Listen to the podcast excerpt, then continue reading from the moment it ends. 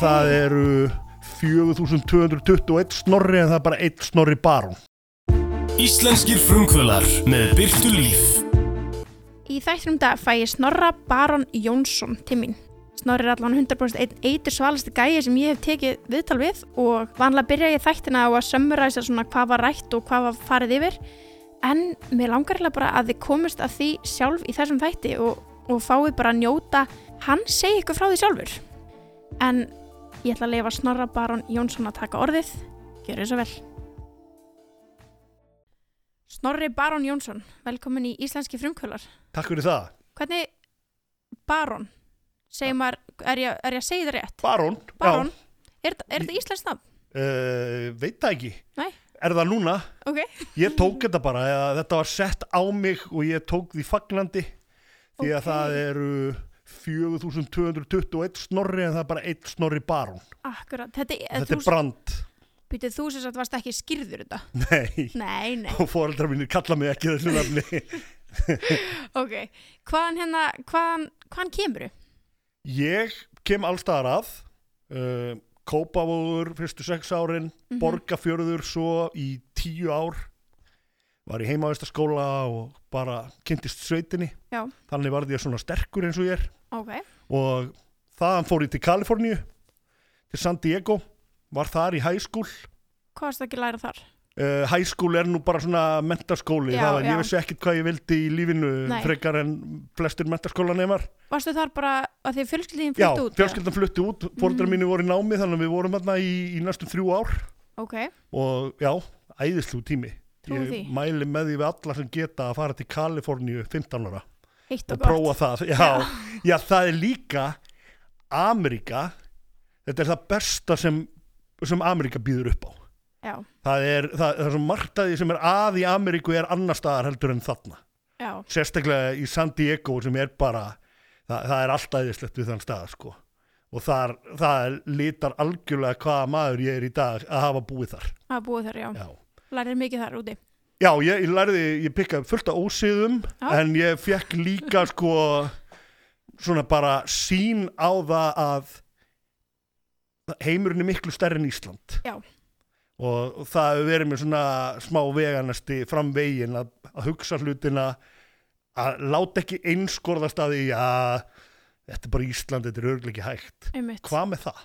einmitt þetta, já, þetta er miklu starra og opnara en við höldum Akkurat svo flytt ég heim já, uh, skráði mig bara inn á vók nú, og, ok, og, og hérna næði djöflunum úr mér ok og svo hefst það líf sem ég þekki í dag sko, já, í kringum tvítugt ok, og hérna það er ekkert með guði eða neitt svoleiðir sko, ég er, ég er alveg laus við það, það er, en ég, ég fór svona að við það að fara í meðferð og fá bara smá svona, það var náttúrulega undanfara því það er maður fer ekkert í meðferð bara út af því að maður, það er svona einhver tilrauna gaman? Nei, já, já, það er ekki, einmitt. til- það er ekki tilrauna fílingur í manni sem að dreifum hann þangað eða æfintýra þrá nei, nei en hérna eftir það þá fer ég að fá svona smá stefnu í það hvað mér langar að gera Já. og uh, tónlist hefur alltaf verið svona stór hluti af lífi mínu Já, ertu sérst gítarleikari? já, ég er gítarleikari Já, en svo tegunda gítarleik sem ég stunda ég gæti ekki verið minna í tísku heldur en, heldur en núna sko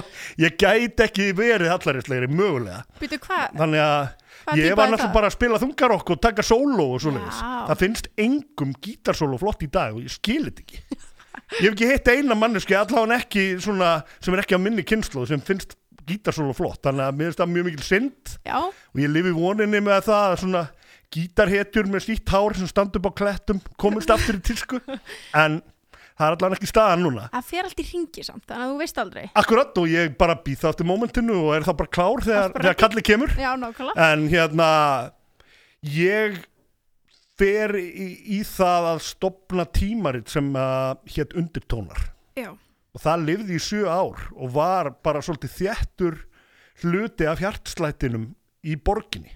og það var svona tónlistar eða Það var lífstíls en tónlist Ok. svolítið stóri hluti af því og við vorum tveir sem uh, að stopnaðum þetta og þarna var sko fyrsta viðtalið við Sigurrós já, ok Uh, það var stór forsíða með Björk, það var eina forsíðan og eina viðtalið sem Björk veitti þegar homogenic plataninnar kom út Vá, og kvarasi, það var allt það- fullt af svona hlutum sem að urðu svolítið stórir, botlega Já. Þa- þetta átti sín svona það- þú last fyrst um þetta í undirtónum Undirtónum, já. Mhm. og X-ið var þá eina útastöðin mm eða jú, F, ég tel FM ekki með sko, ég var hinum einn já, ok, þannig að það sko var bara til einn já, það var bara til einn þannig að exið og undirtónar voru svolítið stór hluti af annars vegar bara rockmenningunni Já, hins vegar danstónlistamenningunni Já. og svo bara allir í tískunni og, og því þar í kring en þú varst, varst eitthvað reyndur í því að skrifa eða vera Ekki. reynstjóri bara fram að fyrstu greininni sem ég skrifaði Einmitt, var það að skrifa grein í, í, svona, í huga mínum sennilega það leiðilegasta sem nokkur maður gæti gert og og ég hvernig skildi ekki bara hvernig, hvernig blaðamenn hvernig lifa er með sjálfum sér bara djöfull lítur þetta að vera leiðilegt Já, svo byrjaði ég að skrifa og gæti ekki hægt þetta var bara eins og þegar Forrest Gump byrjaði Bara að hlaupa, hlaupa, já, já. það var bara þannig það og er ekki stoppað búin að vera skrifandi síðan uh, ekki endilega greinar en sko ég vinn meira við að skrifa heldur en nokkuð annað Já, það er stærsti hlutin af því sem ég geri ef maður spólar núna í gegnum þennan tíma því að fo- fortíðin ég man hana ekkert alveg nákvæmlega en Nei, nei. undirtónar sjö ár, ég er enda seldið mig út úr því eftir þrjú, ok, fór þá í stutt samstarf með morgumblaðinu já, uh, ætluðum að gera svona eitthvað eitthvað sæmilega young og fresh þar ok það var bara ekki hægt þegar allir rítstjórnir voru nýræðir og hérna Svo risalegur. vildu bara skrifa forníslensku Já, og já. fannst allt bókstaflega allt sem okkur langaði að fjallum fannst þeim ekki vera prenthæft Nei, ok, þannig að það endist ekki lengi Nei. og ég ægslaðist út í auglýsingabransan já, á þá- þessum tíma Þá fórstu í DBT þetta. yes. þú ert vel að þér Herri, þetta er hérna það er ekkert allir sem vita þetta Nei, ég var sem sagt að lesa hérna LinkedIn prófæliðin ok, og þú ert mjög svona kaltæðin og skemmtilegur þar inni og það stendur einmitt undir hérna auðlíkastofun DBT Learned how not to run an advertising agency já sem er nokkurn neginn hárétt Uh, það er sko því að ég fór ekkert í neitt nám Nei, ég fór ekkert í einhvern háskóla þar sem að maður getur lært að ma maður prófa sig áfram og fær einhverja kenningar og fær að máta sig sama við allt sem ég er búin að læra frá því að ég var tvítugur hef ég lært á því að klessa heiftarlega á veggin og standa síðan upp aftur já, og þetta var bara eitt af því og við vorum ógeðslega flottir það var hérna, þetta er ógeðslega skemmtilegu tími já, og við gerðum hvað gerðum við? Dominos færeingin mann stöttir honum? nei, Nei, Kannst- Google it Já, uh, við gerðum raukt já, sem að var einhver símavörumarki GSM, já, það var hérna þa þar var auglýsing með dverg já, sem að var, sem að vakti lukku ok, við gerðum Egil's orku auglýsingu sem að var með uh, Friðrik 2000 hétan ok það var, það var gaur með afró sem að þetta var svona gamaldags kungfu auglýsing Þetta er legendary shit sko. Já, það er heyri algjör það. skömm af því að, að þetta sé ekki bara allir landsmenn sé ekki meðvitaðir um þetta Nei. en hérna vonandi er þetta til á Google ef ekki þá þarf ég bara að fara í málið já, Já, bara henda YouTube því meina inn. ég. Já, en hérna, já, þetta var bara við vorum ungir og vittlausir, DBT var sko digital, það var geiri digital Baron, ég og Tóti voru Það- þrýr með honum þrýr og síðan bættist í hópin en, en nafngifting kom þaðan út af því að allar auglýsingastofur voru með einhver svona skamstöfunarnafn öll Já. flott, allar flott auglýsingastofunar út í heimi Já, þannig að við hugsaðum við verðum að vera með svona skamstöfun líka við segjum bara aldrei neinum hvað þetta er út Ah. af því að um leiðu, leiðu það er útskýrt þá fer svona professionalismin af þessu já, svo fór það bara ekkert lengra en að hugsa þú heitir þetta, ég heitir Akkúrat. þetta, og hinn heitir hinn Já, en sko það rukka fyrir eigin sköpun er ekkert það er ekkert auðvelt að segja jú ég ætla að fá hérna fjóra miljónir fyrir þetta já, það er svo erfitt að segja þetta þannig að ég sagði þetta eiginlega bara aldrei og þetta fór bara á hausinn sko. já, ok uh, upp úr rústum DBT Já, sem var bara gjaldþrótt og gaman að segja frá því að síðasti gjalddaginn af gjaldþróttinu var um síðustu mánaðamót nei Jú, þannig að 15 ár af mánaðalegum greiðslum fyrir það að vera fáiði uh, Vá. búið og búin að- hérna ánæði með það Já, já, uh, en upp frá þessu varð Vatikanið Já. sem var auðlýsingastofa sem lifði í talsverðan tíma og þú ferður bara í beinu fram, fram já, já, ég svona tók kannski stærri skell á mig heldur en hinn sem voru með mér í þessu en hjælt hins vegar ótróður áfram og, og hérna tók svona á mig að gera upp við einstaklinga og aðra sem að við höfum verið að vinna með sem við áttum ekki fyrir að borga já, uh, fyrir vikið svona líður mér ágætlega með það að hafa bara haldið áfram Já. sko. það var ekki kennið til flakka eða neitt svoleiðis nei, nei, og nei, ég fekk sko fokkin skellin þannig að það er bara þannig en Vatikanið var hér, ég stopnaði það með honum Magnúsi Átnarsinni sem er nú enn þann dag í dag einn af minnum allra bestu vinum, hann er hérna markastur hjá Nova í dag Eh, ok, ég, ég veit ekki hvað tillin hans er, hann er aðalmaðurinn þar almaðurinn já, já, og hérna það var skrambi gott sko og í gegnum Vatikanið varð ansi, það, það, það var helviti margt gott sem við gerðum þar það var líka auðlýsingarstofa, Já, breyttum því síðan svona yfir í fleiri funksjónir, við vorum með forritara eða svona forritunarfyrirtæki þarna innan dyra, já, við heldum úti leikjanet og hvað hétta, B2 ég heldur þið út í leikin, Já, við áttum þetta ekki, við heldum því úti Vá. við sáum um auglýsingasöluna inn í þetta og, ok, og, og svoleiðis uh, við vorum, við gerum monitorblaðið, já, mannstu eftir því þegar Ég það kom man út sem eftir því. tímarit ekki sem eitthvað skeinipapir hjá mokkanum já, ég Ok. maður okay. því, Uh, og við vorum með svona vörukynninga þjónustu, það voru, það voru svona ungtfallegt fólk sem að vann hjá okkur við það að vera að kynna vörur já, þannig að ég, svona ég sit áhrifavaldar hérna síns inn í tíma, áttunni og ég held að áttan sé að gera nokkur negin bara svona Svipað. 2019 versjónina af því sem Vatikani var að gera 2005 vá, þannig að svona, nema við vorum ekki út af stöð nei, en sko margir samlefnarar ok, uh, þetta var 35 manna fyrirtæki þegar hægt létt já, svo saði Geir H. Horde Guðblessi Ísland já, já, og það beit okkur í raskatið og hérna já, sá draumur endaði en þá kom íþróttaálurinn sjálfur já, en á þú varst hvítum þarna hesti með Vatikani í nýju ár þegar ekki, Jú, já, það er langu tími, Vatikanið er faktisk til ennþá já, það er en svo hérna, eða kennitalan er til ok, þannig að það sem gerðist var það að við fórum, gengum til þessu latabæ Já.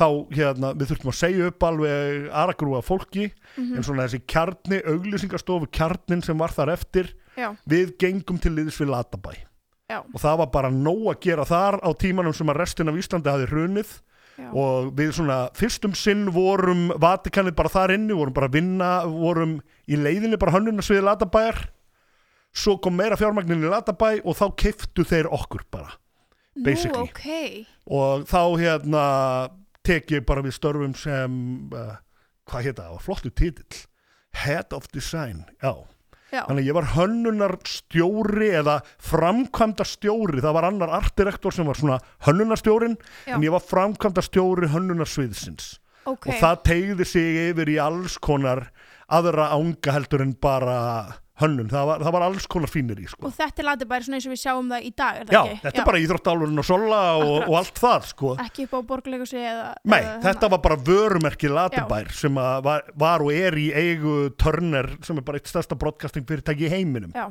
og þarna framleitum við þetta var bara stúdíó út í Garðabæði sem að þættirnir voru allir framleittir Já, og, ok. og það, það var rosa fjör sko Já, uh, rosalega leiðilegir þættir fyrir alla nema börn upp á fimm ára aldri sko en svaka fjör að vinna þarna og Já. ógeðslega mikill kraftur og Maggi Skefing má eiga það þó hann sé alveg snar já, að hann hann er, hann er er góður í því sem hann gerir. Já, ég, maður sér ekki svona motivation hjá Nei. neinum sko. Einmitt. maður bara sér, ég get ekki nefnt þér ein, eina drifnari mannesku heldur en Magnús Skeving sko. og hérna bara ógeðslega þakklátur fyrir mín kynni af honum og svo bara öllum sem ég kynntist þarna inni Já, e, því að eftir Latabæ e, ég neita því ekki það var, það var ágætt að hæ- hætta þar og fara aftur yfir í svona einhverja sköpum þar sem að maður hafði kannski aðeins meiri stjórna aðburðar á sinni já, en eftir Latabæ var ég alltaf að koma að staði því sko vá maður, ég kynntist basically öllum sem geta eitthvað á Íslandi já, og víðar sko maður þekkir bara alla bestu tökum en teiknara, leikara hljóðhönnuði, the works já, og- akkurat. náttúrulega bara býja því að við eiga bara í góðu sambandi við þetta fólk í dag þannig að, Svona geggja tengslanett. já, svona stór verkefni Já, ekkert mál, ég þekki alla á bestu já, þannig að Þa, það, ég tek það út úr latabæði, ég fattaði það ekki fyrir aðeins setna bara vá, þetta er allt latabæði að þakka þannig að bara Maggi Skeving og Íþróttálfurinn og allt hans sköpunaverk ég, er, ég, ég stend í þakkarskuld við, við þau þannig Algjörlega. að hver sá sem að drullar við Magnús Skeving framann í mig sko, hann fari högg í andlitið það er bara þannig sko en eftir Latabæ þá verða maurar til Já. þannig að þá erum við komin til 2014 þá eru það við kjarnin úr þessu Latabæjar hönnunar teimi sem stopnum það saman og það er það sem þú ert enda að vinna í dag ég vinn þar í dag, já, og ert stopnandi og hérna já og, þið sta ekki og stærst eigandi og stæðstegandi já. hvað voru þið, eru þið tveir sem stopnuðu maurar nei, við vorum fjórir, Fjórir. sem stopnum maurar saman Ok. við erum orðin átta núna mm en hérna, já, vorum fjórir sem stopnum þetta saman og það er markas og auglýs- auglýsingastofa Til að byrja með, já. Já. Þá byrja maurar sem bara auglýsingastofa og okkar fókus er að vera litlir. já, það er ok, bara mjög skýr fókus hjá okkur að vera lítil stofa sem að kúnarnir okkar ganga á okkur vísum, Já. restin veit ekki að við verum til. já, þið Og vildu það, það, það er bara alveg skýrt. Við erum ekki ennþá með símanúmer einu sinni. Við erum Nei. ekkert mertir neinn staðar, sko. en vildu þið þá fá lítil verkefni líka nei, það er ekkert endilega sáan sem merkir, nei, sko. ok Þannig að við, við stopnum þetta utan á það að við erum með samning við Coca-Cola. já, og hann er ennþá í dag Mhm. hann er ennþá í- þann dag í dag og við vorum að vinna með Coca-Cola þegar við vorum Vatikanni líka þannig að þetta er svona já, uh, Coca-Cola og tengd vörumerki og það er bara afskaplega gott samstarf þar bara með, já, þannig að þetta svona rennir stóðum undir þetta og síðan bara bætast heppilegir og skemmtilegir viðskiptavinni við Mhm. en loforðið sem við gáum sjálfum okkur og hvorum öðrum var bara ekki að vinna einn leiðilegan dag aftur Nei. um æfina nei bara þó maður sé að skrimta og sé skítblankur og, og allt hvaðina mm það verður ekki farið í eitthvað helvítis leiðinda verkefni nei, það verður að vera það er skemmtilegt. bara þannig Já. það, það, það getur verið svona breytilegt hversu skemmtilegt Mhm. en það eru til alveg ógeðslega leiðilega verkefni Og það Já. er til alveg ógeðslega leiðilegt fólk sem situr á stórum budgetum og vill hafa hlutin eftir sínu höfði Mhm. þau með bara vinna með einhverjum öðrum já, já, Því að það við, er svo við erum bara ekki bóði Nei. fyrir það Nei. þannig að þetta er það að halda sig við þessa möndru maður er að dæma sig til þess að það eru feitustu bitin þeir eru ekki að koma já, en það er bara allt í lagi Já. svo lengi sem það er gaman já, nokkla svo er bara eftir að þetta svona stabiliserast þá fer ég svolítið að sjálfur að elta það sem að hefur alltaf fascinerað mig Mhm, sem er fólk með hæfileika Já. ég hef alltaf leitað mjög eftir hæfileikum við erum mjög skeptiskur og allt sem ég finnst vera drastl já, en dáist þeimun meira að einhverju sem ég finnst ekki vera drastl nokkla og um, mikið íþrótt áhuga maður Já. og upp frá svona hvenær ætli þetta hafi verið? 2015 lok árs 2015 mm þá kemur vinu minn til mín með stúlku með sér sem heitir Sunna Rannvið Davíðsdóttir og er bardagakona já, hún var nýbúin að vinna Evrópamestartitil í MMA fyrst íslenska kvenna og var bara svolítið lost í hvaða skref hún ætti að stíga næst já, það að vera svona góð í íþrótt eins og hún er ég mitt það fer svo mikið dedication í það já, og æfingarnar æfingar og svona já, að vinna, hefðbundin vinna rústar bara möguleikum hennar á því að ná markmiðum sínum nokkla hún verður að vera með einhverja kostunar aðila, hún verður að vera með eitthvað plan fyrir framann sig Mhm. þannig að hún geti æft sig og haldið áfram og, eru- og, verð, og orðið betri Já. Já. og ég var bara svo ég vissi alveg nákvæmlega hver hún var því að ég fylgist mjög vel með bardaði íþróttum og var bara svona ok svo stóðum bara undir öllum mínum væntingum þetta er bara indislega stelpa sem Já. að er mjög svona hóvær og, og, og bara rosalega almennileg og, og góð manneskja og við hérna urðum bara strax fundum þarna ok, við getum unnið saman já, þannig að ég fór, fór bara og, og laði helfti hart að mér við að sækja einhverja dílahandinni og, og svona og varst þá bara orðin svona umbóðsmaður Já, hennar að vissu leiti sko, ha Haraldur Nelson, pappans Gunnars Mhm. hann hefur alltaf séð um sko barda tengd mál fyrir hana já, að bóka fyrir hana bardaga og slíkt Já. ég sé um hitt Já. ég sé um auglýsingarsamningana og peningamálin og, og, og það allt saman og það hefur bara virkað til þessa dags það voru hérna á meðan ég var að kynnast mjölnismönnum og svo leiðist þá hérna voru kannski einhver, einhver, einhver smá nokkrar hólur á veginum já, en, en það er búið að ráða fram úr því öllu saman sko.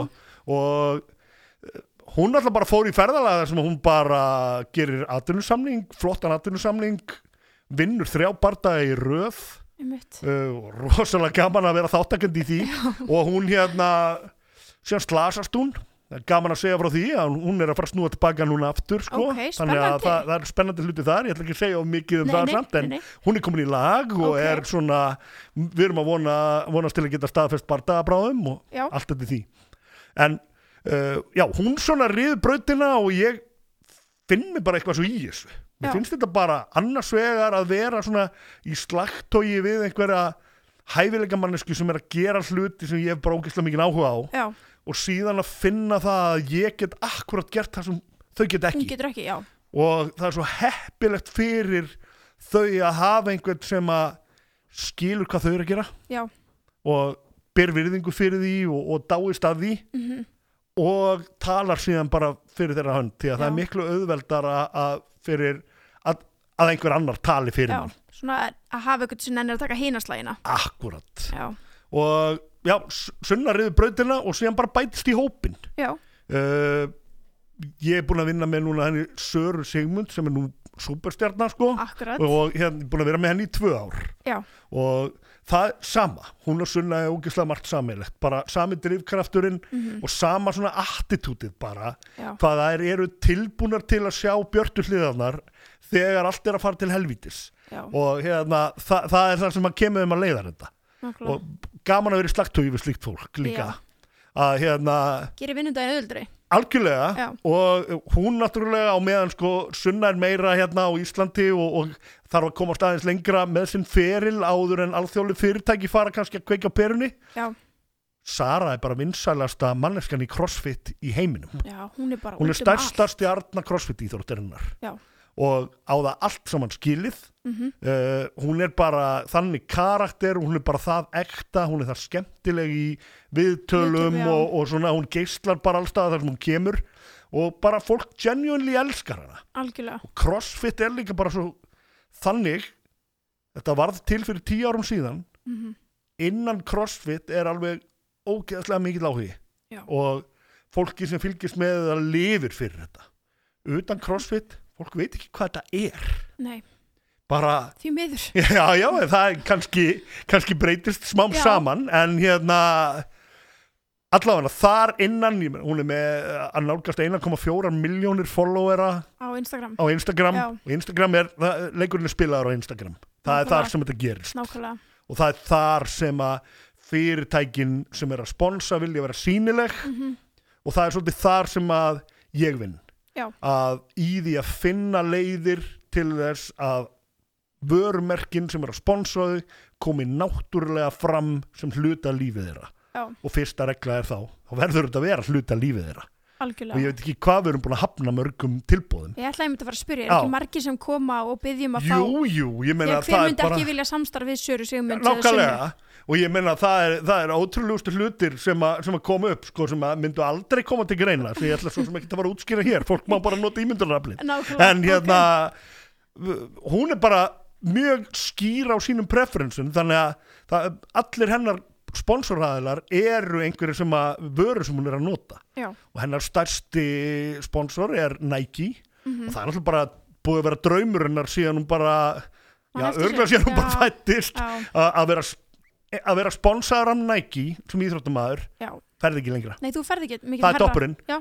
og það er bara öll samskipti við Nike eru bara svo frábær þetta lið er bara svo vel með á hreinu hvað þau eru, já, hvað íþróttamæður er og hvernig er þetta að vinna saman já, hvað þau vilja og, já, Akkurat og þau, þau eru, það er mjög sjaldgæft að það sé beðið um eitthvað sem er ekki bara, jú, auðvitað.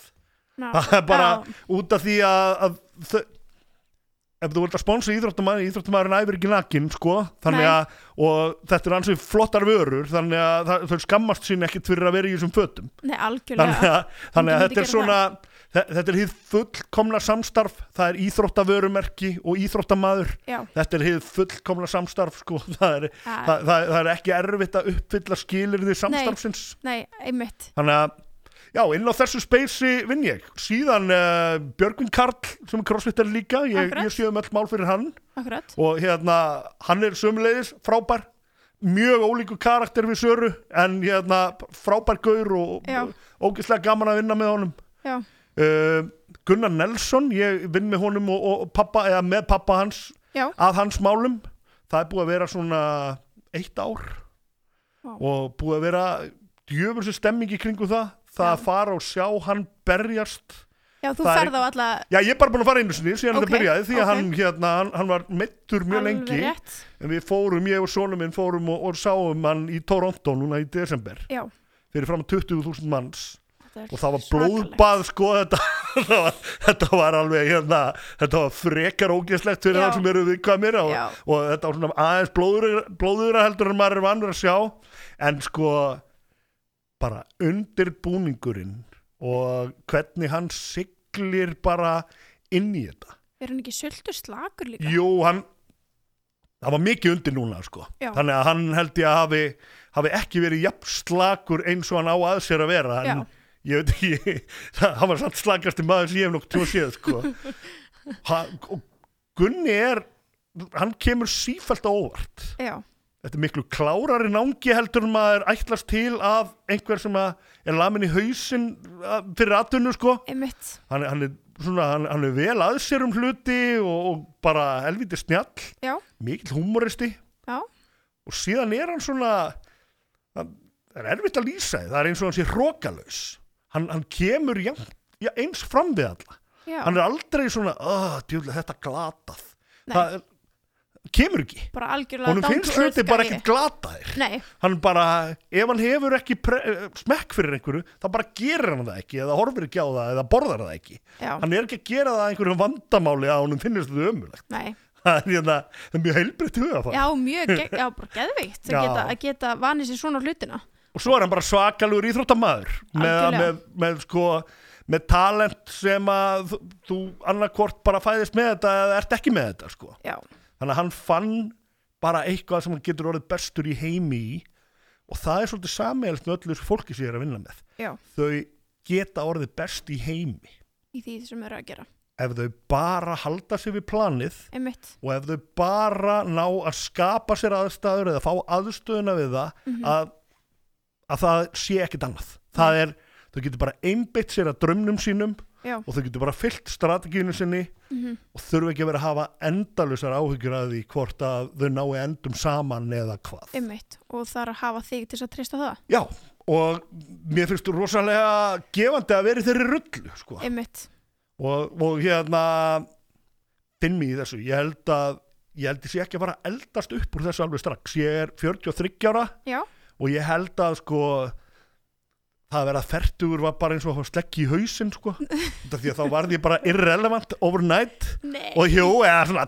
tók mér smá tíma bara að fatta Nei, þetta er ekki rétt Einmitt, Hérna, einmitt, það er fullt sem þú ert eftir að gera snorri og svo eru svona það er sumt sem að maður bara verður maður verður bara betri í því. Já. Mhm. maður heldur bara áfram að verða betri í því maður fær bara meiri reynslu maður fær stærra tengslanet maður lærir betur að lesa fólk lesa á milli línana Mhm. skilja hvað snýr upp og hvað snýr niður já, og nú er ég komin þrjú ár inn í það ferðalag og sko ég var heldur brattur fyrir þremur árun síðan en ég vissi ekkert hvað ég var að gera ég Nei. get alveg sagt það strax og fljótur að læra á hlutina Já, og svona. svo er maður fljótur að læra og svo er bara bakgrunnur úr annars vegar auglýsingabransanum og markaðsmálum almennt, Algjörlega. kemur sér mjög vel Já, uh, það að vera tiltörulega svona early adopter á nýja tækni já, uh, það að það að grípa, ég var seinninn í Facebook ég var harður á móti því sko hvað varstu ennþá á MySpace þá?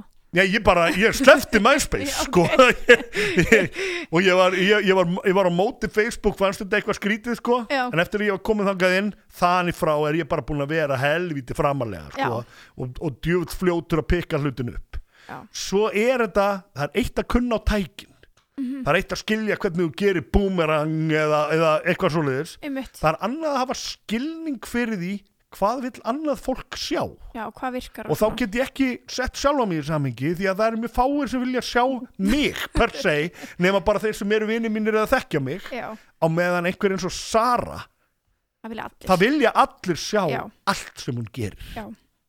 og eða allan 1,4 miljón já, þau fá það ekki en það eru samt bara að bendina á heyri mundu, það sem þú ert að fara að gera þarna á morgun endilega hendi stóri með því því að fólk vil sjá þetta já, ert þú að benda já, um því? já, já, við erum bara í daglegu sambandi um Já. þetta og, og, og ég, við pössum upp á að ég viti svolítið vel hvað er framöndan hjá henni já, stundum er þetta bara Groundhog Day já, þá er hún bara að æfa 8 tíma á dag og á millir sem hún æfir er hún bara að borða eitthvað og svo er hún bara að sofa já, og það er ekkit endilega það mest spennandi dagarnir nei, en á móti koma oft ansi spennandi dagar og þá er bara þá reynum við að gefa allavega smá smakk af því mhm, en við erum ekki að framleiða efni nei, hún tekur sína stóri sjálf já, hún, ég segi kannski ekki að hún skrifi kapsjónirnar allar sjálf því að Nei. þá var ég að ljúa ok, en hún fer yfir hverja einu og einu stuðera og hún Já. breytir og hún segir nei, ég myndi aldrei segja þetta og svona, þannig að við köstum þessum bolta þannig á mill okkar já.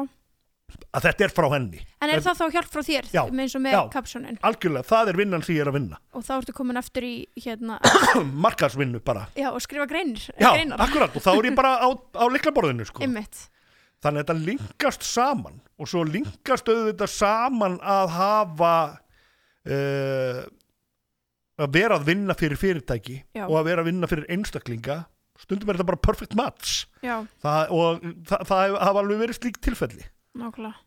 En þú, hérna, myndist ekki á hann, ég ætla að minnast á það. Þetta, sem sagt, þetta fyrirtæki heiti Bakland, Já. þetta er bakland þar sem voru að, já, og þetta er bara sami hópur Þetta er bara- umbóðskristofa fyrir íþróttufólk, myndir yes. segja það? Já, Já. ég myndi segja það Ok. við höfum ekki verið að vinna fyrir neina aðra Nei. uh, tek stundum að mér verkefni eða svona pælingar með Já. einhverjum ég meina ég, ég djúvill er ég búin að setjast með mörgum sko Já, það og ekki. bara setjast og pæla og spjalla út af því mér finnst það gaman Já. og það er ekki eitthvað sem ég er að rukka fyrir þetta er bara, ég er ekki að drekka, ég er ekki að dópa ég, ég, hérna, ég er fullt af tíma sko Já, sem að aðrir myndu vera að eyða í þingu eða djam fullt að gerast Þannig að- í hausnum þá. já, já. Já. þannig að mér finnst bara gaman að gera svona sko. Einmitt. þetta er bara mín afþreying og, og það sem mér finnst gaman svo kannski maður komið á, ég á líka konu og börn sko. Já. Þannig að það, er hérna, það er einna kannski helst þau sem finna fyrir því að hvað ég er alltaf að finna mér eitthvað til að hafa fyrir stafni Já, en ég, ég, þau eru allan mín ennþá sko. það þannig er að gott. sinni 13 Hérna, hvernig, þi- þið eru bara með Íslands íþrótt, eða, þið, hvað eru þið mörg hjá Bakland? við erum átta Þið eru átta? Já. Ok, og ég er svona sá sem er hvað í mesta samskipta hlutverkinu já, eru þið þá átta með fólkinu, eða með kúnunum ykkar? eins og- Nei. Nei, Nei, þið eru nei, nei. átta starfsmenn. við erum bara átta starfsmenn Já. þar og erum bara auglýsingastofa og umbóðskrifstofa og, og allur anskotin annar Mm og síðan er þetta, ég hef aldrei talið þetta eru fjórir aðilar sem við erum svona raunverulega að vinna með Sinna, bakland, já, það er bara það er Sunna, Gunnar Nelson, Sara og Björgvin Já. sem eru svona það fólk sem að maður er í alltaf því daglegum samskiptum við nákvæmlega. Uh, síðan eru fjölmargir aðrir og ég hef unnið til slatta mikið með Aroni Einari til dæmis landslisfyrirliða Já, já. og svona, en það er öðruvísi það hefur verið kannski verkefna baserað, það er þegar þeir voru að fara á HM Já, þá svona þá náttúrulega slasaðist hann og, Einmitt. og svoleiðis sko og þá var það að vera tengiluð við fjölmiðla og meðan það var já svona PR líka. já, já. Og, og það er alveg það, þetta skilgrinnist alveg klárlega sem PR hlutverk, ég Já. sendi alltaf fréttatilkynningar þegar það er eitthvað að frétta af þessu fólki og svona Já, þannig ok. að og oftar en ekki þegar það er eitthvað tilkynnt hvort það er tilkynnt um nýr bardagi eða eitthvað annað Mhm. þá komu þau tíðindi bara út úr mailboxinu mínu upprunalega Upprunalega, já, þannig að það, það hefur verið mikið um það já, uh, en já, Aron Einar, ég hef gert einhverja auglýsingasamlinga fyrir hann líka og svoleiðis Mhm. en allt þetta fólk verður bara á einhvers staðar á leiðinni bara við innimans Já. og, og bara það að hafa svona mutual trust og þau vita að þau geta haft samband við mig og ég mun halda kæfti ef það, ef það á að halda kæfti við því akkurat, og, ég, og, og finnst kannski ágætt að fá þar sem ég er nú kom með þetta mikla reynslu og Mhm. liggja ekki á skoðunum mínum þá finnst fólki stundum bara gaman að heyra hvað mér finnst bara Já. er þetta sniðut eða ekki akkurat. þannig að það eru fjölmargir aðeila sem ég er í samskiptum við svona sem er ekkit endilega umbjóðendur mínir Nei, sem ég ég er skil ekkit þig. endilega að vinna reglulega fyrir Þið eru hérna bara með Íslands íþróttufólk eins og er. Já, ég, ég er samt í einhverjum dialog við fólk uh, víðar að en, Ok. en það verður engin orðið svona umbjóðandi Nei, ennþá heldur að þið munið fara eitthvað ég er alþjóðlegt? alveg opinn fyrir því Já. ég er alveg ég- eins og ég segi ég, ég hrýfst af fólki sem hefur einstaka hæfileika akkurat og ef það er slík manneski sem vill vinna með okkur þá bara bring it on það er Já. engin landamæri, það er, Nei. hérna, það er sími og, og net Já.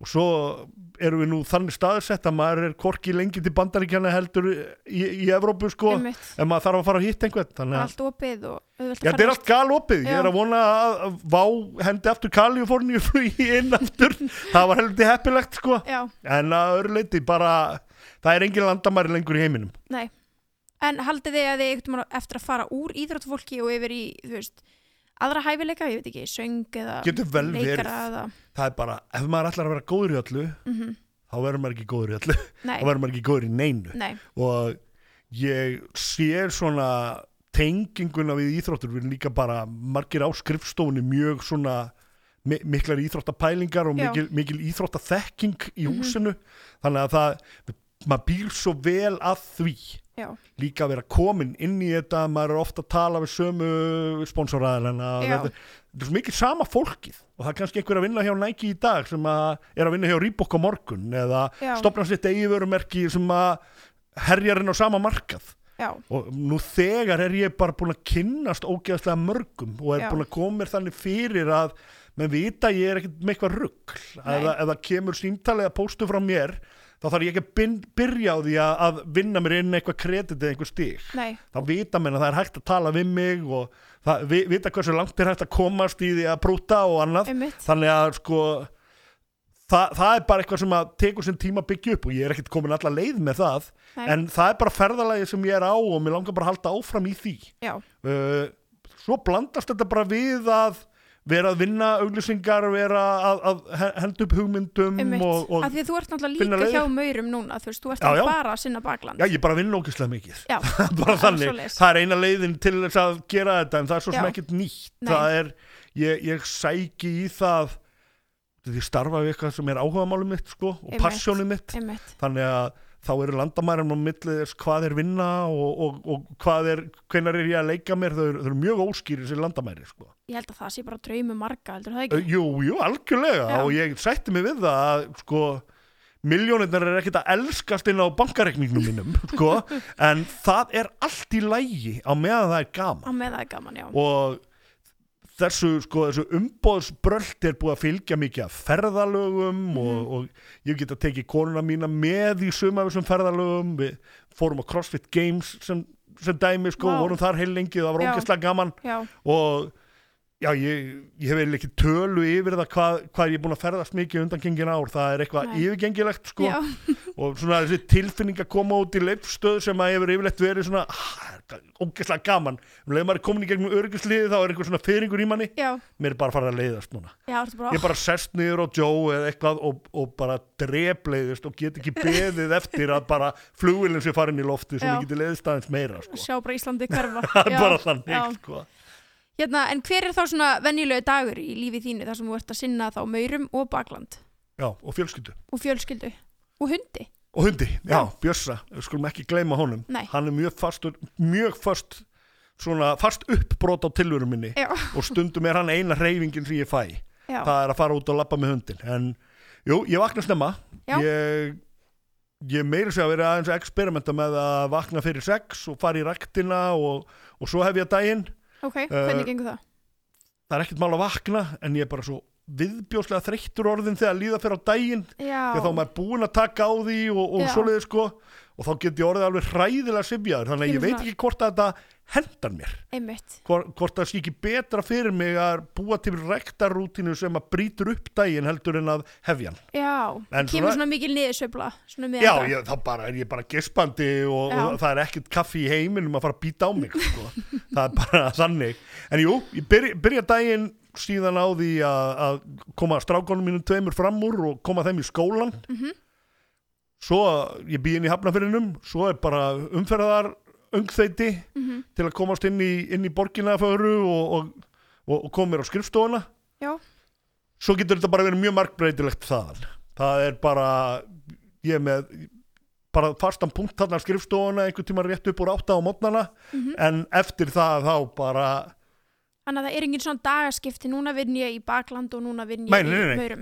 Þetta er sami hluturinn Já. og við blöndum þessum verkefnum saman eins og þetta sé það sama. Ok. Þetta er sitt hvort nafnið En út af því eru- að þetta er sitt hvort funksjónin svo að það er auðvitað fyrir aðra að skilja Ok, en þe- við erum bara að vinna þetta allt saman á sama hátt. og er þá sömu starfsmenn inn á Já. bakland og maurur, já, þetta er bara þetta er bara sama, þetta Já. er bara sama operasjónin. Ég, Einmitt, ég er bara með s- ógeðslega gott teimi með mér já, og við bara stöndum saman og, og er, erum bara að djöblast í þessu saman og that's it já, sko. tækli þetta bara saman. Já, gerum það bara og ég er kannski aðeins meira með hausinin í baklandi en þá eru hinnir meira að vinna mauradótið Já. þannig að og, og, og svo er það bara, veltur það á verkefnum sem eru, það er það var náttúrulega verkefnum sem linkaði þetta allt saman sem að var, var í sumar, sem að var stóra kókherferðin Já, með Hannesi, með Hannesi sem er, sem er vinnu minn alveg langt aftur í tíman og er kannski einn af þessum aðlum sem að ég, ég hef alltaf átt mjög svona opin samskipti við hann þegar Já. hann er að taka ferilsmótandi ákvarðanir og annað þá, er, þá tölum við mikið saman og erum bara góði vinnir og hann er, hann einmitt vinnur svona sín fyrstu auglýsingaverkefni hjá Vatikaninu já, ok. það voru svona fyrstu auglýsingarna sem hann gerði vann hann með okkur Já, og það var bara það var ógeðslega gaman að sjá einhvern ég vissi ekki að það væri markverður sko. ég hafði ekki hugmyndum nei, ok. þetta var bara einhver gæi sem er útskrifaðast úr versló var búin að vera að gera einhver tónlistamindbönd Já, og var bara með svo gott attitút já, var bara svo mikill kraftur í honum og, og vinnuharka og, og ekki svona arti-farti tilfinninga sem einhver sem að getur drepið í manni þegar maður, er- þegar maður er að kynnast fólki sko jú, jú, svo stóð hann sér bara svo vel í öllum þessum verkefnum sem að, sem að voru unnin að maður svona, ok, þessi er eitthvað já. svo allt í einu bara lesi hann er komin í KR og svo er hann komin í landslið og svo er maður allt í einu bara búin að missa hann og, og þá er svona þessi go-to leikstjóri okkar er bara farin úr landi og farin að gera eitthvað allt annað Já, en við höfum alltaf að tala saman um það að hvað væri gaman að gera eitt svona stórt, alvöru verkefni við rættum þetta áður en, áður en strákandi fór á EM og svo var bara annað tækifæri þegar þeir treyðu sig á HM akkurat. og sko ég hefði ég hefði fyrr döðurlegið heldur en ég hefði left þessu verkefni ekki að verða til já, þú þannig hefur að- bara, þú hefur fjármagnenda sjálfur. ef Ég það hefði hefur gert þurft. það, já. ekki nokkuð spurning, Já. ég hefði rænt banka til þess að láta þetta gerast, sko.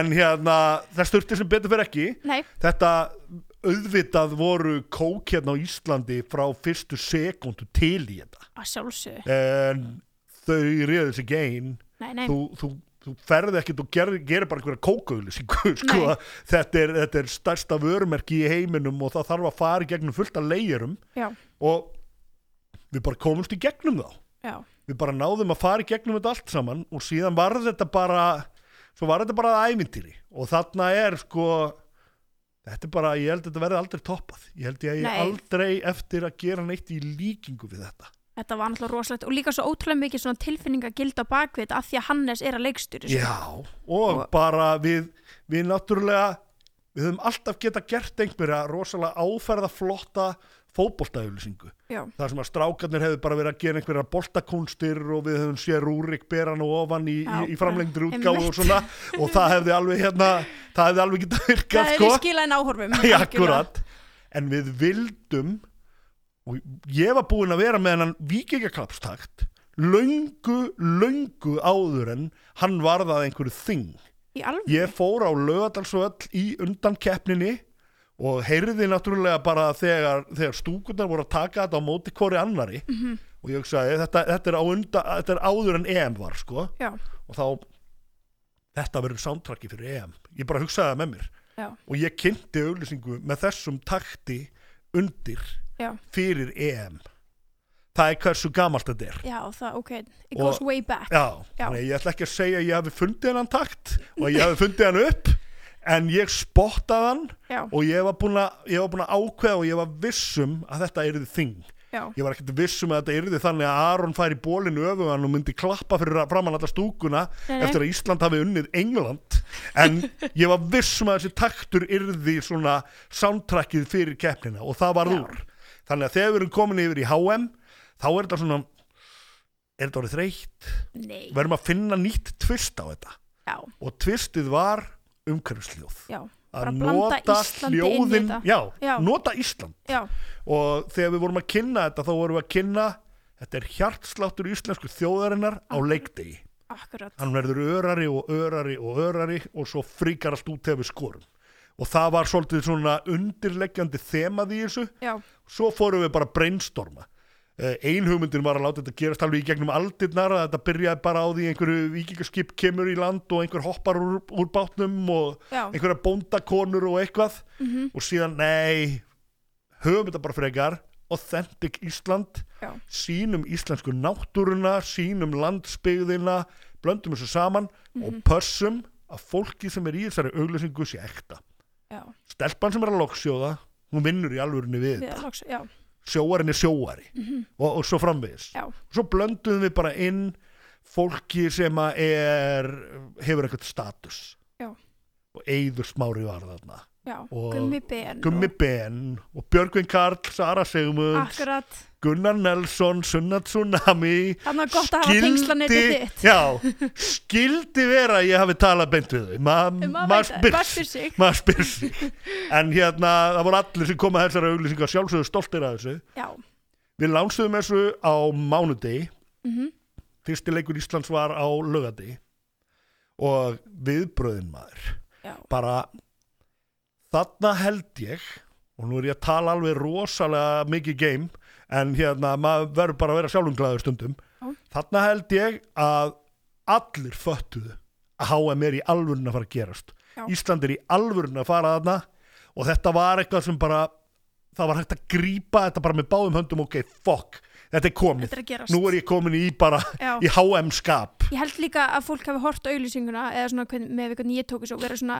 wow, Ísland er að fara á HM og e- þetta er ekki bara Ísland, bara svona ég er að fara á HM já, já, svona, við erum og að svo, fara og svo var hitt við erum svo stolt af því að þetta sé byrtingamyndin á Íslandi sem restina heiminum sér já, og við það kvart hiski sem við Íslandingar erum orðin vælandi yfir öllu, móðguð yfir öllu Mhm. Já. fengum nokkra daga þar sem við skömmuðust okkar ekki fyrir neitt vorum ekki Akkurat. móðguð yfir neinu og fólk var bara generali í góðum fíling já, og og allir bara vinnir já, akkurat, Já. allir í sama liði Allir í allir, sama saman liði, sko. einmitt. og hérna, vá hvað ég er til í að, að, að fá fleiri tæki til að skapa það, þá stemmingu sko. já, það lítur á ómetanlegt að geta tekið fyrst heilt land og gert það einhvern veginn samheldnara já, ég meina, ég neyta því ekkert ég bara fór heim og ég bara táraðist sko. Já. eftir hennan dag, eftir að hafa sko, frumsýnt auglýsinguna og, og svona, eftir að hafa fengið síðan bara öll þessi viðbröð já, og ég hérna bara Þa, það er nú öll eitraða kallmennskan sem er einkenni mig ég fer bara heim og fer bara að grenja sko. því að það var eilegt annað, Vi, við vorum bara búin að leggja svo ógeðslega mikið á okkur já, mikla líka. vinnu og, og að sjá þetta sko, ég hef svo oft lagt mikið á mig og séð það verða skít já, það var ekki tilfellið þarna sko. ekki þarna síðan tekur helvítan Hannes upp á því að verja frá Messi já, wow, og það, það, við gætum ekki skrifað handritið svo langt sko en Nei. hann, svo gerir hann það og það sem gerðist í kjölfarið var að það voru allir fjölmiðlar sem höfðu einhvern áhuga og ég, þetta er CNN og þetta er alvöru fjölmiðlar Einmitt. sem skrifa bara um það að þarna er kvikmyndagerða maðurinn sem er líka markvörður Íslands Já. og sjáuð auglýsinguna sem hann gerði fyrir kók og allt í hennu fullt af fjölmiðlum að posta þessari auglýsingu og hún Það fór var- bara út um allt já, það eru 20 miljóna áhorf á þessa auðlýsingu og hérna það held ég að hafi aldrei gerst heldur ekki með íslenska, nei, ekki Nei. íslensk auðlýsing nei, uh, það er ekkit bara auðlýsingun að þakka það er líka bara það bara HM er bara svona stór já, þetta er bara stærsti íþróttaviðburður í heiminum einmitt og þegar það gerist eitthvað svona já, þá bara tekur allur heimurinn eftir því og stærð þessarar auglýsingar margfaldaðist við hennan Argentínuleik þar sem að Hannes ver frá, frá Messi það er svona stóra atrið já, svona alltaf starl Rúrik senunni Ég líka var að sko, fara að segja þetta. einmitt og hann hefur örgulega gert þessu verkefni gott líka og þetta sjálfsögðu. verkefni honum gott sko. já, nákvæmlega þannig að sko já, þetta var mikið æfintýri þannig sumar, þó ekki sé annað sagt sko, og, en, en því miður ég held að ég eigi aldrei eftir að vera þáttækjandi í verkefni sem að kemst nálagt þessu nei, Það, en ég læt mig dreyma, Já, en ég verð að vera algjörlega. raunsær Þú ert nú að vinna En- með það flottu fólki að þú A- Algjörlega, en það, það er allt öðru ég er kannski að meina verkefni, auðlýsingaverkefni Já, ég já. einangrum þetta við það ég, Já. hérna, ég get alltaf semst í helgan stein ef ég myndi telja að þetta er því bara eina definitionið á mínum starfsverðli Nei, nei, það er sko núna verður það bara í einhverju öðru formi heldur já, en þessu nákvæmlega En hérna, þú myndir að þá Já, þú er bara svo- búin að segja það, En þetta er svona s- verkefni sem þú ert stoltastur af Já, ég, ég er stoltur af drullmörgu Já. þetta er á, bara á aðeins æðri stalli heldur en það Já. þetta er stærsta vörumerki í heimi Þetta er Þetta er Ísland að brjóta blað í sögunni. mm Þetta er fucking Hannes að verja frá Messi. Já, gæn sem var bara búin að vinna með þér að taka upp Já, og, akkurat. Og þetta eru bara, það, það er bara aðeins of margt þarna til þess að ég geti, ta- að að ég geti nefnt eitthvað annað. einmitt, Fórstu út á HM? Nei, Nei, þannig að þú varst heima þegar auðlýsingum var- var spiluð já, rétt fyrir leik já, já, ég, ég var það. Það Og, hefur og verið svo bara, jú, jú, ég meina, ég held ég verði bara að fá gæsa á því ef ég sé hana núna. Ég er búin Já. að horfa litirli 8000 sinnum á hana. Já. og er búin að horfa á hana svo oft til að reyna að spotta eða að gera þetta betur eða að breyta hinnu Einmitt. búin að sjá hana á öllum skeiðum öllum klippipunktum en hún er, þe- þetta er bara þannig auglýsing hún gerir bara jafn mikið fyrir mig eins og hvern annan Já, hún reyfir bara jafn mikið við mér þó algjörlega svo er þetta sé sköpunarverk sem ég tek stóran þátt í þá reyfur hún bara jafn mikið við mér eins og hverjum öðrum sko. Svona ef við lítum tilbaka áður en þú ferð hérna út til San Diego eða þau ert út í Já. San Diego Hélstu einhvern veginn að þú myndi verða frumkvöld? Nei.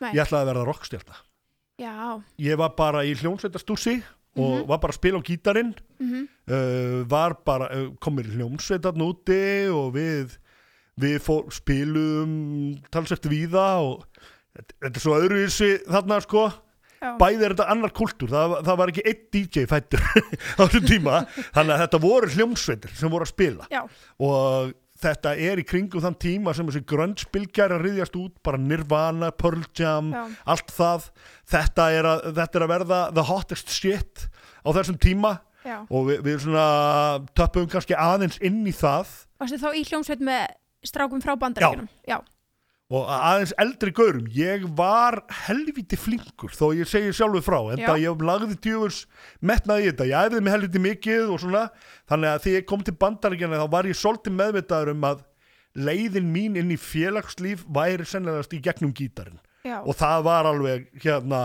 það stóð alveg heima sko það var það alveg horrið passaði alveg þannig að þetta var band við vorum bara að spila á einhverjum pöppum og síðan er svo mikið um svona university party bara fraternity party Einmitt. og svoleiði sko þar sem það er band og þar sem það er allir að, að- að skella í sig og, og brjálaði fílingur og þetta er Já. Kalifornía, þú þarft Já. ekki hús Nei. þú getur bara haldið partí út Bara í verið úti, garði sko já.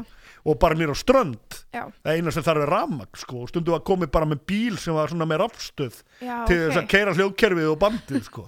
þannig að þetta líf var mér algjörlega ómetanlegt Já, að komast í það að, að sko, vera í einhverju svona hljómsveitarstússi og það í Kaliforníu Mhm. að vera í high school þá nákvæmlega eins og þetta er í bíómyndunum alveg bara nákvæmlega eins já, það er ekkert verið ígjá bara fútbolgaurarnir og allt þetta nei, þetta er ekki að íkja út af því að allt þetta lið horfir á bíómyndir og ákveður við um að hegða okkur svona þegar við erum í skólanum Já, það er bara búið að þetta, það setja er bara búið að standardinn, búa já. til þetta er orðið að ringrás sko.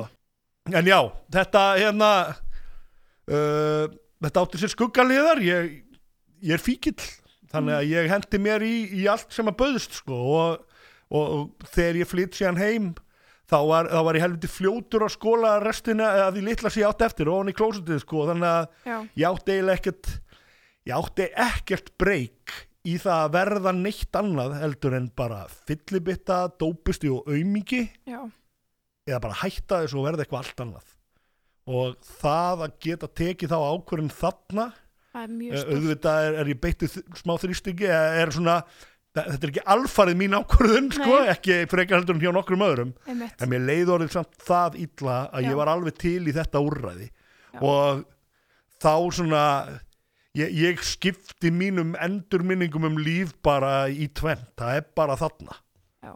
það er bara ágúst 1995 þá bara klukka ég minn á vok bara auðbegja já, Já. og, og eftir það er bara gaurinn sem þú ert að tala við núna sko. já, bara Já. eitur hress og Já. með hellinga hugmyndum já, já, svolítið sko já, það er ekkert allar góðar nei, en en það er alveg einhverja góðar að það Já, þannig að, þú- já, þannig að þú segir að þegar þú lítur svona tilbaka þá vissur ekkert að frumkvöla starfsfami væri eitthvað sem þú væri að fara að detta í. Nei, og orðið frumkvöðl eða entrepreneur eða eitthvað sko, Já. hvað sem þetta er þetta er ekki í hugsunum mínum sko. Nei, og ég skilgreinu mig bara honestly ekki sem, sem frumkvöðl nei, ég er ekki að gera neitt sem engin annar hefur gert sko. já, en þú er búin að stopna fyllt af þínu eigin Já, og, ég er búin að vera framtakssamur sko, Já. og ég, Nú getum kallað er þetta ekki hrædd- íslenskir hræd... framtaks ég er ekki hrættu við að gera mistök Nei. það er kannski svona mér er eiginlega alveg sama þó ég skýti í buksutnastundum En lærum, ég veit ég get, ég, ég veit ég get rifið mig upp úr því sko. Já. og ég meina ég, minn ferill minn ferill er ekkert allur farsæll og hann er ekkert að fara að vera það allur sko. ég er að fara að klessa á fullt af ég er ekkert sloppinn, sko, ekki neitt ekki þannig, nei, nei, nei, nei en bara ég til í þetta Já. bara ef ég held heilsu Já. og ef ég svona ef, ef ég næja að halda sæmilum balans þannig að mér takist sko að að láta þetta allt saman virka að ég verði ekki fyrir einhverjum áföllu að konan fari frá mér eða eitthvað sko það, hérna, það, það, það, það er einhverju svona hlutir sem að gætu sett allt til helvítis hjá mér en gætu stoppað já, Já. en ég, ég samt spá ekki því ég, það er bara ein leið, það, hún er áfram sko Já, bara það sem gerist í gær skiptir engu máli lengur, nei, einmitt bara ekki neinu Þú ert líka búin að læra af helling eins og með, þú veist, Vatikanið og með DBT og, Ak- akkurat, alltaf Latabæ. að læra já, já, já, og þú mynd, myndir ekki segja líka að tengslanetti eins og við rættum bara smáðan, tengslanetti sem þú hefur haft og, og í rauninni bara fengi í gegnum allt þetta sem þú ert búin að gera það er Mhm. búið að koma þér í Já, rauninni á þann stað það sem þú eru ert í mín dag. verðmæti Já. verðmætin eru tengslanetið Já.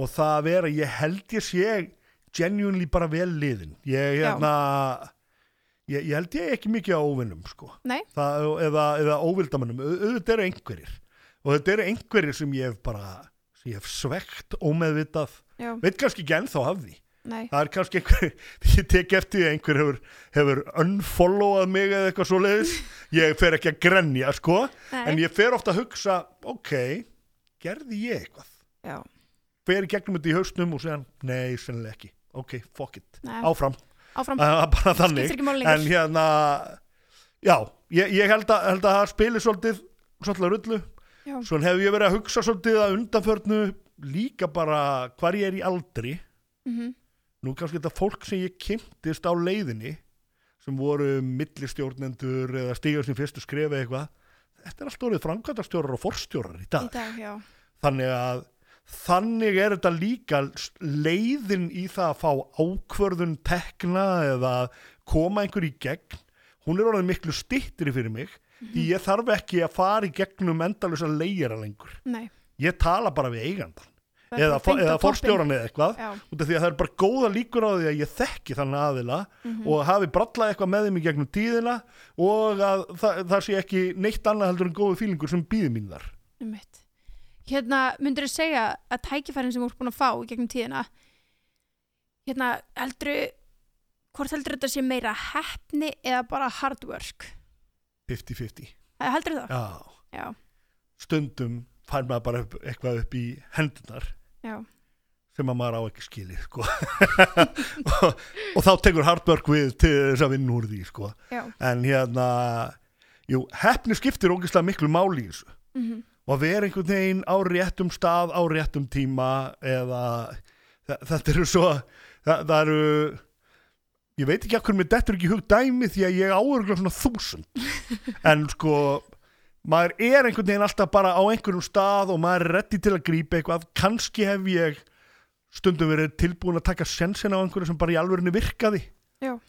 kannski hef ég einhvern tíman gert eitthvað frítt fyrir einhvern sem tíu árum setna man ennþá eftir því Já, og er akkurat aðilinn sem ég þarf á að halda til að eitthvað klárist og þá er ekkert í heiminum sjálfsagara heldur en að gera það fyrir mig sko. Mm. þannig að það er líka Já.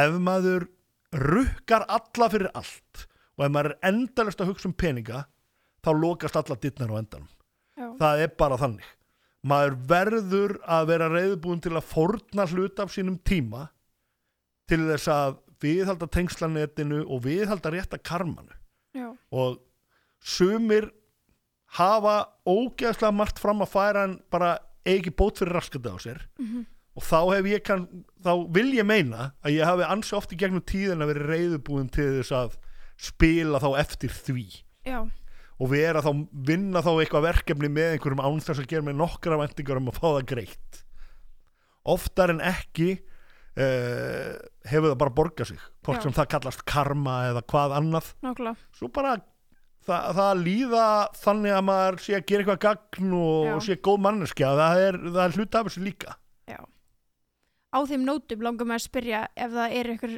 þarna úti sem eru framtakssemir það er já, ekki segja svona up and coming frumkvölar heldur framtakssemir já, einmitt. hérna, hvort að þú hvað væri svona ráð úti í kosmóð sem þú myndi gefa þeim eða hvort það sé eitthvað bara áfram Þa, áfram. það er bara að fyrsta og ekki vera að ofhugsa hlutina Nei. og já, ákvarðanir taka fokking ákvarðanir það er ekkert sem skiptir meira máli heldur en það Nei. út af því að það gerist ekkert á meðan maður er ekki búin að ákveða sig nema það að tækifæri fyrr Já. þannig að taka ákvarðanir og ef það er röng ákvarðan, fuck it þá byrst maður afsökunar ef maður þarf þess eða maður sest niður og hugsa ok, þetta er ekki nóg gott og byrjar aftur Já. það er hérna, það er eina leiðin en án þess að það séu teknar ákvarðanir þá gerist ekkert og ég minni mig stundum á þetta ákvarðan, ákvarðan, verða að taka Já. ákvarðan og hérna, tek síðan bara ákvarðan og þá erum bara rétt eða röng já, skiptir ekki máli ég tók örgulega þrjár eða fjóra rangar bara í dag það er bara allt í lagi Já. það voru svona þrjár fjóra réttar líka sko. já. þannig að algjörlega það sem þú myndir setja eðst, vilja að svona þessir hérna úti myndu Já. heyra, taka ákvarðanir já, líka, þa- þetta er mi- mikilvægari í dag heldur en nokkuð svona fyrir því að lífi gengur yfir svo rætt Já. það er svo mikið í gangi það er svo mörg tæki, það er svo margar leiðir til þess að eiga samskipti og koma drastlið frá sér Akkurat. og það eina sem gerðist við það var það að maður þurfti að taka ákvarðanir ennþá hraðar Já. það nennir enginn að býða eftir manni lengur Nei. enginn, og þarf að já, vera þá verður maður bara að keira keir hérna Snorri, takk æðislega fyrir að koma ég er mjög ánað að fengi þig Herðu, bara mín var ánægjan Og ég- Fá að tala um sjálfa mig í klukkutíma Það er margt leiðilega sem mér finnst sko. já, það er gott að heyra það hérna, við býjum þá bara spennt eftir að heyra að fréttum frá sunnu Já, og, hérna. stutt í það En það ekki, Jó, og við f- munum fylgjast mjög vel með og vonandi fá að sjá aðra aðra frábæra auðlýsingu frá mörum Það er alveg á hreinu Það ekki. Hún verður bara ekki alveg eins og þessi nei, það er bara gaman að fá að sjá eitthvað nýtt Akkúrat. Herru, takk aðeinslega fyrir komuna Takk